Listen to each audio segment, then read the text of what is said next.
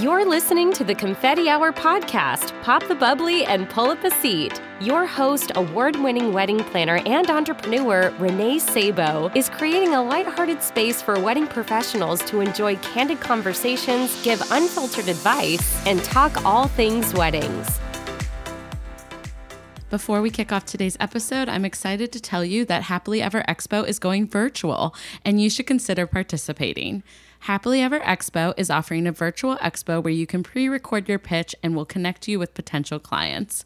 Happily Ever Expo is also hosting an outdoor wedding expo on October 25th at Connemara House Farm in Topsfield, Massachusetts. Reach out today to get featured virtually or in person. Space is limited, so visit their website, happilyeverexpo.com, for more information and email info at happilyeverexpo.com. Welcome to the Confetti Hour podcast. I'm your host, Renee Sabo, and I am very, very excited for this week's guest. I cannot wait to introduce you to this incredible creative. I am sitting down with Michelle Loretta of Sage Wedding Pros. With a degree in accounting, it seemed like Michelle had her career laid out for her when she began working in the corporate world at companies like Deloitte and Coach. It wasn't until she started a stationery business in 2004 that she discovered what many creatives already knew at the time. The events industry was chock full of incredibly talented creatives, but few had the business experience to truly understand the strategy behind running a sustainable company. After spending a few years immersed in the industry, Michelle started a blog in 2009 aimed at educating fellow event professionals in the business of weddings. Sage Wedding Pros quickly took off as it was one of the first B2B resources specifically tailored to creatives who wanted to become better entrepreneurs. Since then, her business has developed into a consultancy and she now works one on one with event pros to adjust and redefine their business strategies. Sage Wedding Pros also hosts an annual Be Sage conference, which welcomes creative entrepreneurs from around the world for a week long mastermind on all things business. Michelle was named one of the top 1,000 event professionals by BizBash magazine in 2019. Her thought leadership has carried over to her professional speaking circuit, where she has been asked to speak at numerous national conferences, including the special event, WeddingWire World, NACE Experience, Posh Retreat, ABC, and BizBash Live, as well as local chapter meetings for WIPA and ILEA. She is also a regular contributor to Wedding Business magazine and has been featured on Planners Lounge, Wedding IQ, Aisle Planner, and countless other industry publications. You guys are going to get a peek into Michelle's incredible journey. We're going to hear all about how she got to where she is today. And she will also be sharing her tips on the Amazon effect, how to shift your event business to the demands of today's consumer. We will finish up with what she wishes other creatives knew, and of course, her confetti hour confession.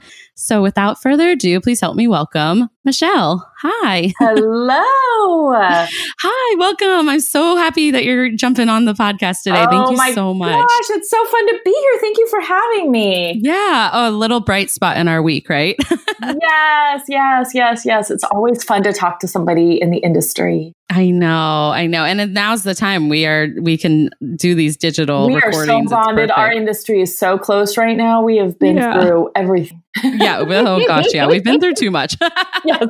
I love it. Well, to kind of kick us off, I'm really excited to hear all about you and kind of how your journey has led you to the incredible pro that you are today. And so I'll just let you kind of kick it off. Start however early you want. yeah. Oh my gosh. Wow. I was born. No, just kidding. Um, I know. It'll be like a two hour podcast, cradle to grave. Yeah. So, you know, I, my background is in accounting. That's what I studied in college. That's what I worked in right outside of college. I have my degree from USC, University of Southern California, and I went to work for Deloitte. At Deloitte, that's where I learned the ins and outs of numbers. And I've kind of uh, made a very circular path to get where I am right now. I went from Deloitte learning the ins and outs of financial reports and how to make stronger, you know, business decisions and financial decisions. I went into sales, working for a company that imported children's clothing from Europe and worked for Coach as a merchandiser. And then in 2004, I decided to start a wedding stationery business. That's how I first got into this industry. Wow. I love stationery. So I'm so fascinated by that. I know. Well, and so 2004 was such an interesting time because this is like really when you know, little micropreneur businesses started popping up and you could put up your own website and compete with the big boys. I mean, that didn't exist back then. And so it was very was a really powerful time where you could launch a little website in your little apart- one bedroom apartment in West Hollywood. That's where I lived. And you could get as much, you know, traction as, you know, the big boys. In those days, it was Crane Paper. You know, that's, that's who I thought I was competing against. I wasn't, right. but, you know, it was very, you know, the, the barriers just to entry just came down because of that. And so I always say I was in the right place at the right time doing the right thing. And then in 2009, I started writing a business blog. You know, blogging was kind of becoming big at that point in 2009. And I wanted to write lessons that I'd learned in my corporate background, like how to read your financial reports and how to track the ROI on your advertising and how to write a business plan. And not that many people were talking about the business side of weddings and events at that time. There was so much education. If you went to a conference, it was how to, you know, design an event, how to, you know, the timing on events and, and things like that. It wasn't the back end of your business. And so my blog came in at a time where people really wanted more of that education.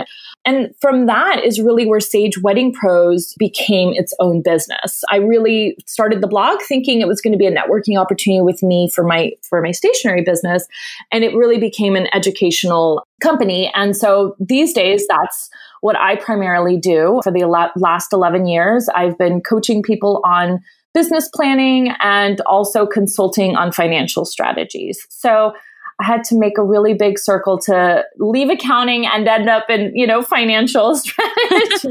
you never know how long you never know by your past you. career choices. Yes, yes. So wow. it's good. I've gotten to marry all of my my backgrounds in a really lovely way. Oh, that's awesome. Yeah. And I, I do find that with a lot of people that I get to meet through the podcast, I'm always like, it's crazy the windy roads mm-hmm. that lead us mm-hmm. to like where we want to be. So yeah. I love that. And so you must be very busy right now because you're helping all sorts of pros. yes, for sure. I mean, all of my clients that have been with me for a while, they are still with me because they realize, you know, I can't survive the next year or two without you. Yeah. But the reality is like people are are, you know, financially challenged a little bit right now, a lot of it. So not everyone can make that leap. So you know, it's a mixed bag. It is. It really is a mix. And even, you know, me personally with the business, it's like, what's the, what do I really need to keep because of the long term? You know, I can see that that's going to be beneficial to keep. And then what can I actually scale back on? But I can only imagine your clients are so grateful to have you before this, but also during this weird year yeah, that we're in and beyond. So strategy clients for sure. Every, for sure. you know, every month that we meet, people are like, oh my gosh, thank God that I have this in place because I don't know how I would get through the next two years. So that's been that's been really nice to see for them that they can see their path their their exit out of you know this really difficult time of crisis. They can see that on paper and that's really really gratifying for sure. Yeah no absolutely. And so with like sage wedding pros obviously you offer a lot of resources in addition to helping your coaching clients right? So i know i peeked at some of your online courses and all your speaking stuff so it kind of shares me a little bit about that too. Yeah. Yeah so i'm excited we, to hear. we have accounting courses. We have Accounting 101 and QuickBooks 101. And those are two courses that are entry level for people who are trying to get better at their finances. And we also have uh, cash flow planning classes. And those are live with me, in which we create a cash flow plan on a two hour class. I also have a free cash flow plan if people want to download it. I'll give you the link and you can add it to the show. Yeah, notes. awesome. I'll add it to the show notes for sure. So, Thank yeah, you. Those are good resources for people. Yeah, I feel like accounting and finance and all that stuff is something that's so stressful for a small business owner. Like everyone just kind of dives in feet first because you're excited about your craft. And, you know, although I will say that I knew it was important and the first thing I did was hire an accountant. Oh, good. But good. it's still, it's still super important for me and other, you know, business uh, creatives to understand their numbers and be able to make decisions on budget and projections you know so I, I just love what you how you serve you know this industry because it's just so important to set people up for real success, you know? Yeah. And I think the tendency for business owners is to focus on what they're good at. And the finances tends to be left to the side because people, like you said, it can be very stressful for people. Anything you don't understand or that's new to you or that you're not educated in is going to be stressful. I'm trying to plant a garden right now and I'm a black thumb and I don't know anything. And it's the most stressful thing to me because I'm like, I don't even know like do I need to put soil or is my dirt okay? These are the kinds of elementary things I'm Googling. So the same thing happens with finances. Anything that you don't understand is going to be so overwhelming. So if you can do something that at least gives you a very basic understanding, you have to do it because ultimately, as a business owner, you are the CFO, whether you want to be the CFO or not and you need some tools in place to at least get a basics and then once your business is more established you can hire you know experts to help guide you as a cfo you still hold those keys, you still hold that role, and you still need to be able to make those decisions for your business. Yeah, absolutely. I mean, and and like I said, it's hard to know where to start with all of that. Mm-hmm. And so mm-hmm. that's why it's so wonderful that people like you exist for us because it's like, oh my goodness, uh, where do I even start? Well, and I love it. So everyone can bring all their problems to me. That's what I'm. Yeah, yeah, no, definitely. I'm, I'm totally like all of this below from from Michelle. So, but I am really excited to talk about today's topic too. And I mm-hmm. love that this is a topic that you speak on because before we hopped on, I was telling Michelle that this is something that like does come up in my head often and figuring out how to adapt has been interesting for my business. And so Michelle will be chatting with us about the Amazon effect Love that title, by the way. Yes. and kind of like how to shift your event business to the demands of today's consumer. And I'm sure that you've seen this change over the years too, Michelle, but I can't wait to hear what you're going to share with us. Yeah. So here's the thing with, with Amazon and, and what I call the Amazon effect is that the Amazon effect it penetrates every single thing that consumers do these days. Okay. So every decision that they make, especially buying decisions, is impacted by how Amazon has basically trained us to buy a certain way, how to respond, how to click, what we are conditioned to expect from our services and products and things like that. Now, the danger in this, you know, I'm, I'm, not saying that we all need to become Amazon. We don't actually. There's a lot of opportunity to be very different from Amazon yeah. and be very creative and and we're never going to do that and we shouldn't, right? But but we do need to understand what consumers are conditioned to and some of the behaviors that you see in your clients has everything to do with the fact that Amazon has, you know, permeated our lives. And so let me break down a few of the things that you know your consumers do and what they're kind of expecting from us as business providers. I'll talk about three things. So the first one is 24 hour delivery. And renee you and i were talking a little bit about this before we got on. And it's like this expectation like on Amazon. Amazon has conditioned us. If I am buying a pair of swim goggles, it will be on my front porch the next morning so that I can go to the pool in the afternoon. This literally yeah. just happened to me right now. I'm so excited. no, literally, I have like six Amazon boxes See, on my porch that I ordered yesterday. I know. And it's, bananas, it's right? amazing. Yes. We can't deny that that's an amazing thing that we get amazing. access to now. Yes. Yeah. And at the same time, our clients also are having these experiences with the swim goggles arriving on their front porch. And then they get on to email us about their wedding and they don't understand why the issue is not resolved or the service is not provided within a 24 hour window, right? Or it could even just be trying to make an appointment for a consultation, right? Like to have to go back and forth or wait for an email, right? And so here's what we have to remember in spite of everybody wanting a 24 hour delivery of a service or a product, we have a high touch business and this is not necessarily completely feasible and it's not realistic. We have to create parameters. We can't be completely available to our clients. But, and here's the big but clients or potential clients need a quick win, whatever it is within your business. They need to feel that there's some sort of immediate result that they're getting from their need or their question or their inquiry, right? So it starts as early as in that initial email that they send to you. This is for a potential client.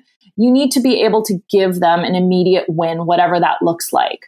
You know who's really good at this is Kelly McWilliams has she's a planner over on the west coast of Florida and she has scheduling on her website for consultations everybody should have the ability to schedule a consultation of that first inquiry call on their website or at least in the body of an email or a Calendly link, you know, that that going back and forth with, you know, pricing and proposals and things like that, you need to give people accessibility. And it doesn't doesn't change the fact that the conversation may continue to happen over email, but you need to give people the access to you. Now, I'm not saying that your cal- your calendar may not be available for a couple weeks. Like we're busy people, but you need to be able to give them the option. It needs to be a quick win, even if you're not accessible.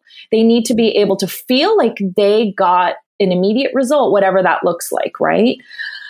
And this can happen with clients too. You can have scheduling with your clients. And you know when i do this with my own business my calendar is usually not uh, not open for at least 7 days. And a lot of times it's it's 2 weeks before somebody can talk to me.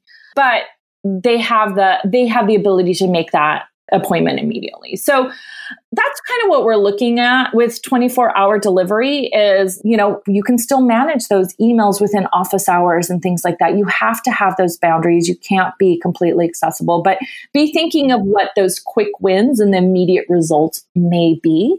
And think about that within, you know, the planning process or, you know, your client process as well. It's not just that you know that inquiry call there's other ways that people will want to have quick wins. Yeah absolutely. And that i mean resonates with me so much because i remember being in my first couple of years of business and just feeling like my clients were kind of eating me alive. I don't know yeah. that's probably a horrible way to explain it. They're the loveliest clients but it's just it's just this notion of you know the amazon feel. And like I had to really quickly figure out how to make sure they felt completely like in the loop with like everything that we're doing and like the progress that's being made and, you know, creating some of my canned responses. Like there, there's no way I will be able to deliver you know, a design plan in 24 hours, right? But what I can do is send them a questionnaire to get, I already need that information.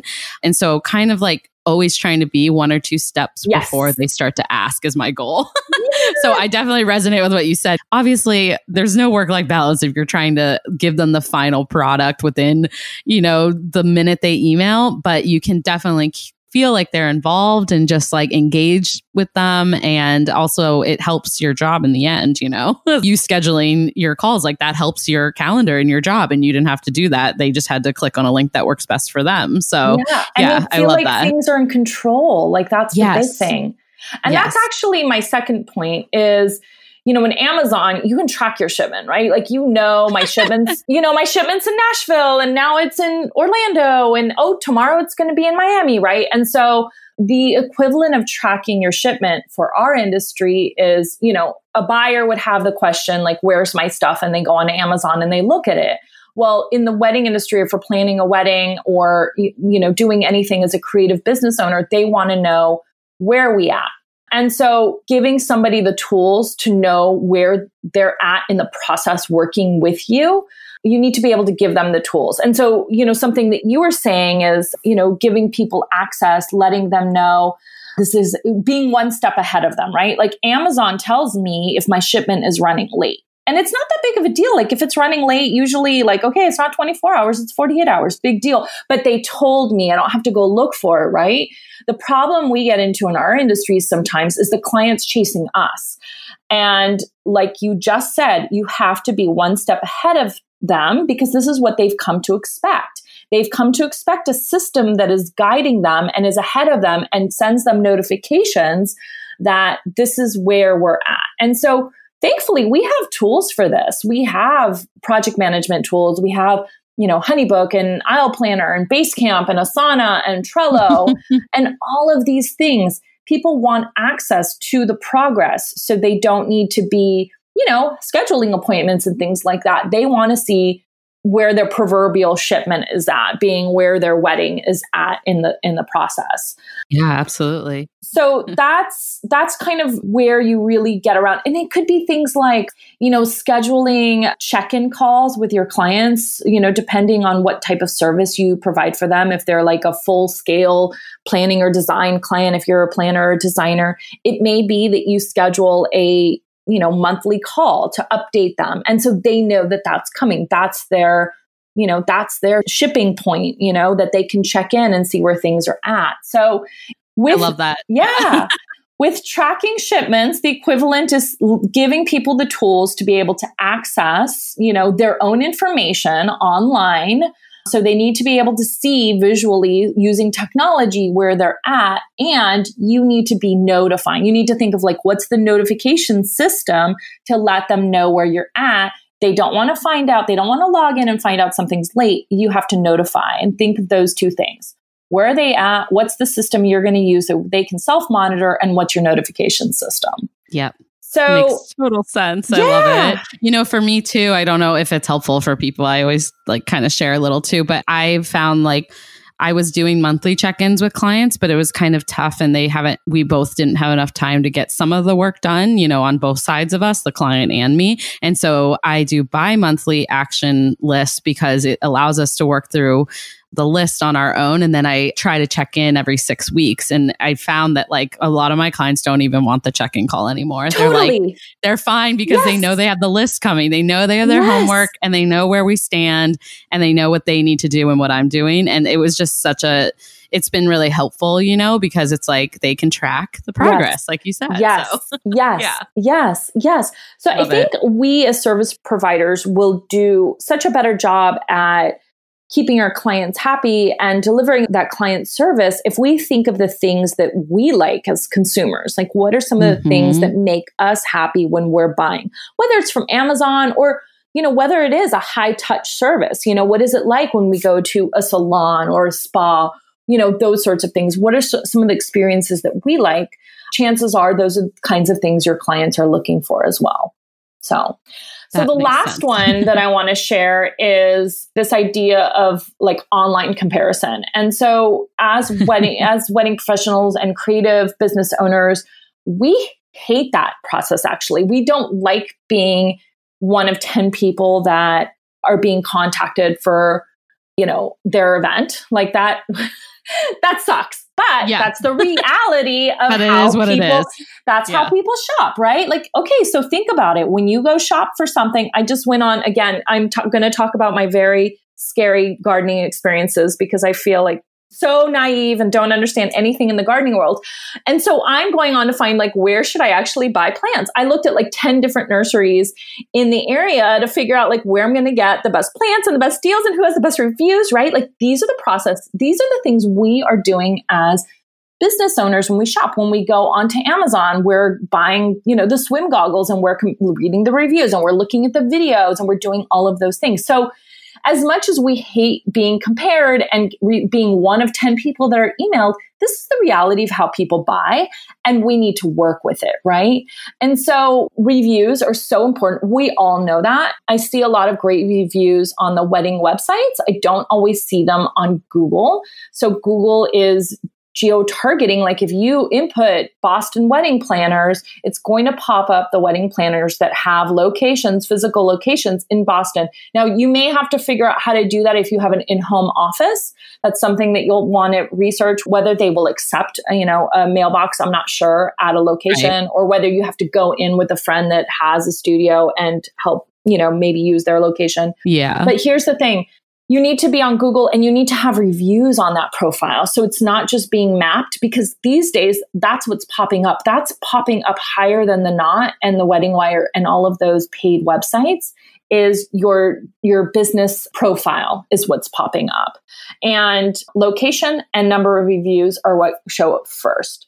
So you definitely want to get some of your clients reviewing in Google. So that's one thing to keep in mind and the other thing to keep in mind in terms of how people are buying and comparing is that videos are really important these days. So if you're on Amazon and you're looking at different products, a lot of times you want to see like how does this product work? How do I assemble this product? What are the pictures that other people that have purchased it have posted, right? And so video is incredibly important to show the value of the product or the service that you're providing. You need to have video on your website. You should consider possibly putting some up on YouTube as well, because that's what pops up um, if people are if people are thinking of doing business with you and you know abc wedding planning company based in chicago they're going they may like you they may have already talked to you but then they're trying to do due diligence. And so they will input your name and they want to see what reviews have popped up and video is what pops up in addition to the to the map feature to the business profile so video can be very powerful. I've also been encouraging people send a video when you send that inquiry email. So you get an inquiry email from a client and they want to know about you. these days people may not want to get on the phone immediately because they're trying to learn a little bit more about you and maybe zoom is a little too intimate still but you can send them a video. Like send a video with you talking yeah. to them and say like hey so excited. I'm sending you a little information about me.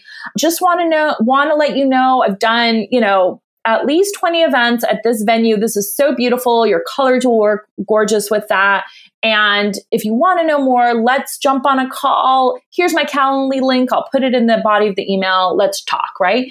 That face to face video in an email so powerful nobody nobody does it i do it i've been telling everybody like send a video of yourself talking to the screen yeah so it's definitely something that I am working on yeah, incorporating because good. I've seen some creatives, you know, that we both know use it. And I'm like, wow, that is so brilliant, especially given right now when I can't meet with people in person. Yeah. So yeah, absolutely. So, yeah, so that's that's something that comes up on Amazon that people access and use all the time. The comparison, the reviews, but also looking at some of like the features, the videos, those sorts of things that we need to incorporate in our businesses because that's how people are more often making a decision between somebody that is of value and somebody that they don't trust as much. Makes sense. Yeah. Oh, so good. Yeah.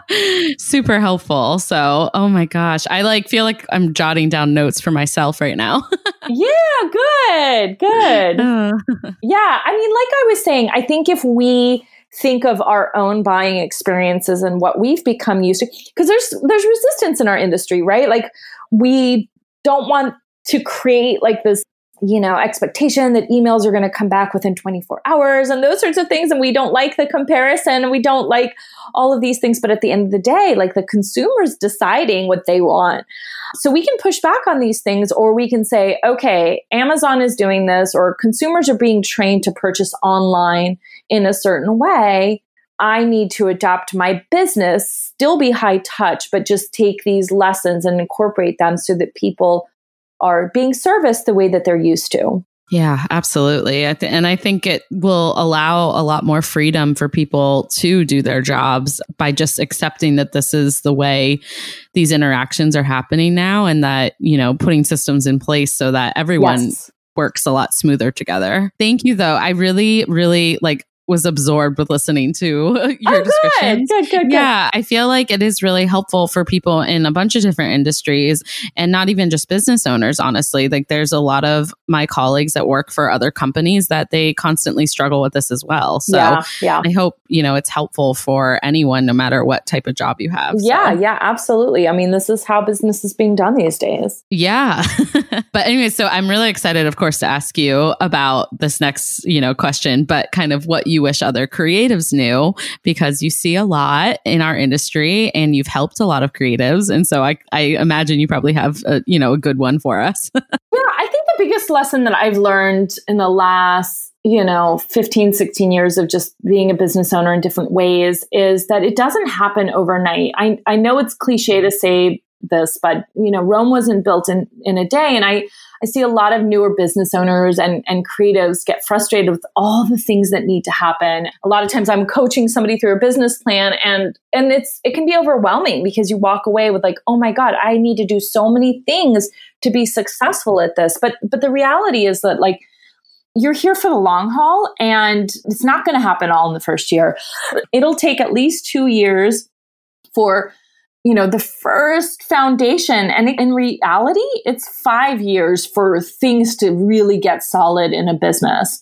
And if you're tackling one small thing at a time, that's what really creates a strong, solid business. So don't get frustrated with all of the things that need to happen. If you don't know the accounting 101 just yet, you will. You have time to get there. If you don't have all of your social media strategy figured out right, you know, in year two, you'll get there. You'll figure out, you know, if you're not in the, you know, networking with the people you'd like to, you will get there, right? Like you have to start little by little. And yeah, it can it can take at least 5 years to kind of really feel like you have, you've got traction in your business. Yeah, no, that's such great advice. It's like hard for I mean, I'm I do it all the time too. Like I feel like I should be booking this type yes. of clients or I should be yeah. here. I should, you know, have gotten that recognition or qualification and it's like wow, Renee, you just have to take a step back and also think about just how far you've come Yeah. too, because this is definitely a roller coaster and it's a journey. And so it's, you wouldn't want to grow overnight, you know? Like, I think that you should appreciate the lessons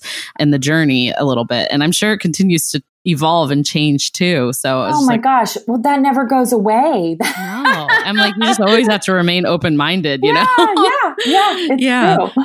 It is. Oh my gosh. That was a great one though. Thank you. Yeah. and so of course I also want to see if you are have a confetti hour confession for us. Oh my gosh, I do have a confession to make. So, my confession is that in my stationery business, I was in Seattle at the time. I started my business in LA, but was only there for a year. I really established my business in Seattle. And I Oh, took out an office in, it was probably like three ish years in business. And I took on too much debt to furnish that office.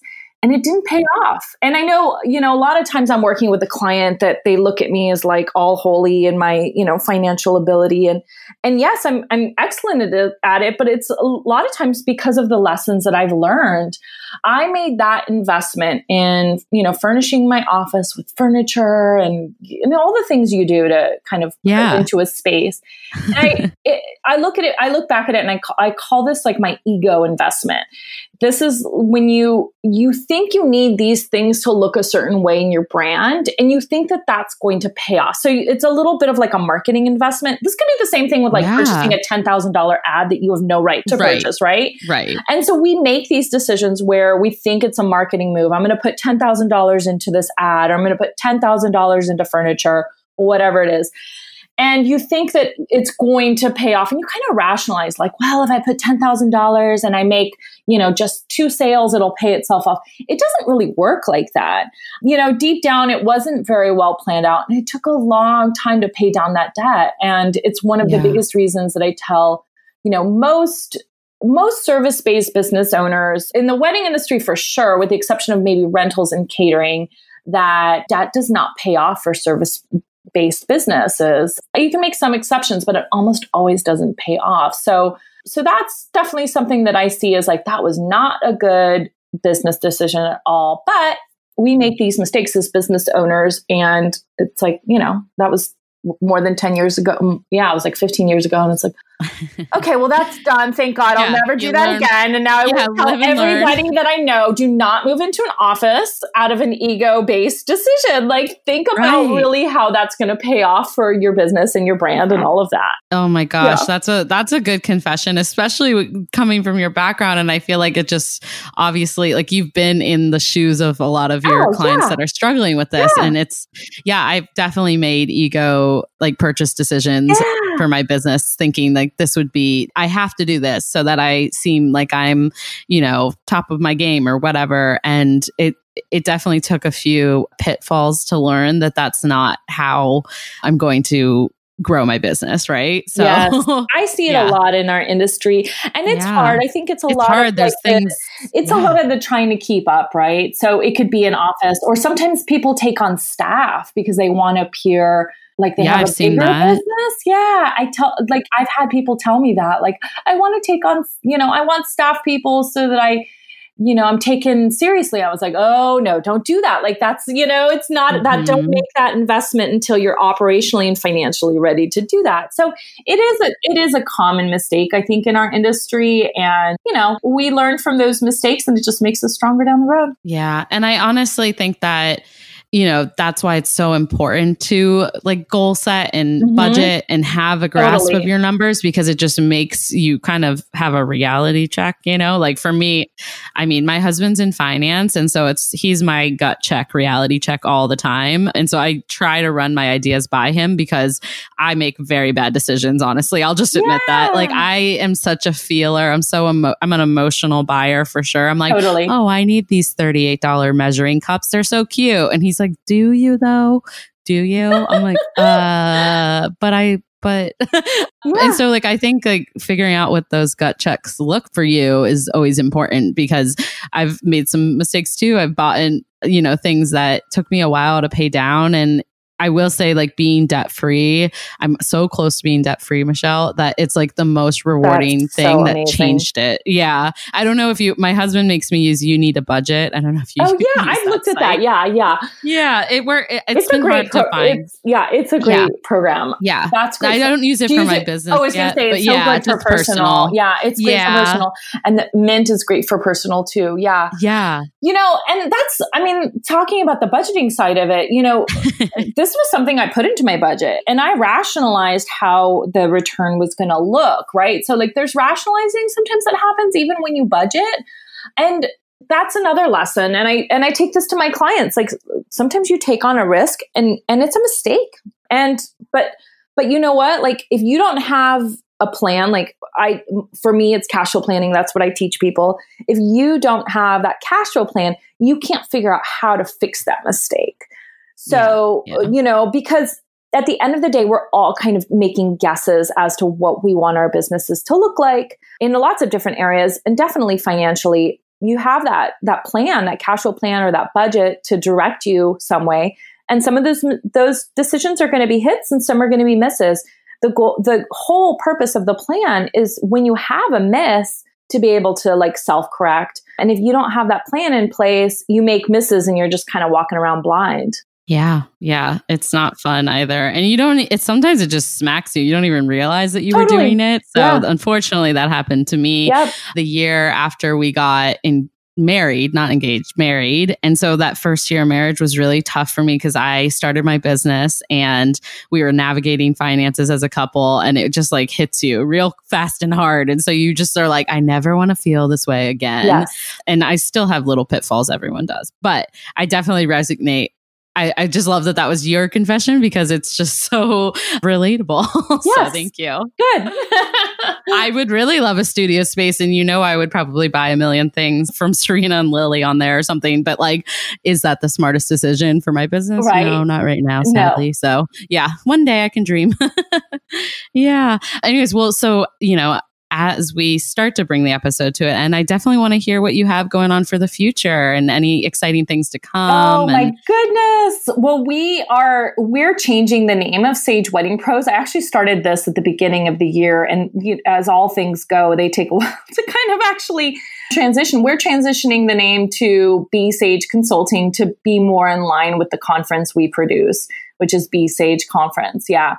More and more people have come to know us for Be Sage and so it makes sense. And I'm also working more and more, not just with wedding business owners, but with event business owners. And so that name works for a little bit broader of a, an event industry audience rather than just yeah, that's so Wedding Pros. exciting. Yeah, super exciting. And, you know, like because the business has been around for 11 years, transitioning all of those names over. So I'm just about to the point now where I can finally change over the website. So depending on when this launches, you may be Right at the shot over to the new to the new website but so but it'll all forward so it doesn't matter what what link or what you know profiles you input you'll find me at sage wedding pros regardless Oh, that's awesome! Yeah. Congrats! I'm sure that was Yeah. a labor. Yes it is it's a hard decision to kind of change your name especially when you're really known for something but Yeah, but we've kind of we've kind of grown into something something more and i feel like i'm really excited to take on Be Sage consulting now because i feel like it's a great representation of where we've kind of grown in the last 11 years Oh, that's so Yeah. exciting. I'm so happy for you. And Yeah, like I can't you. wait to I'll tag all the just keep me updated. I'll tag all the updated links and everything below for people. But where can everyone find you for now? And then look of course I'll- for me at sage wedding pros it will Okay. forward for a like a good 10 years to the other site so even if people are finding this way later they'll still be able to find me sage wedding pros so s-a-g-e wedding pros p-r-o-s dot com and those are also my instagram handles and facebook and things like that as well Oh, awesome. Okay, perfect. I'll link it all below and I'll stay tuned for your launch of the the new business name and I'm so excited. I'm also going to check out some of these resources that you sell because I see so many great things on here about like even, you know, like hiring and training and HR and I'm like, "Ooh, I need help." So yes yes everyone go check that out too. Anyways, thank you so so much, Michelle, for for sharing all your wisdom and your expertise and just like taking the time to be on here. I know this is gonna be so helpful for a lot of creatives. So I just can't thank you enough. oh, thanks for having me, Renee. This was so fun. It was awesome talking with you. Yes, you too. And that concludes this week's episode of the Confetti Hour podcast. Isn't Michelle just so amazing? A huge wealth of knowledge. And I can't thank her enough for being on the show today. Please subscribe so you can stay tuned for future episodes. And if you are tuning in on Apple Podcasts, I ask you kindly to leave a review for our show. Do you know a fellow wedding pro who might love our podcast? Screenshot this episode, tag a friend, and tag us at the Confetti Hour on Instagram and the Confetti Hour podcast on Facebook. That's it for this week, and I look forward to chatting with you next Thursday.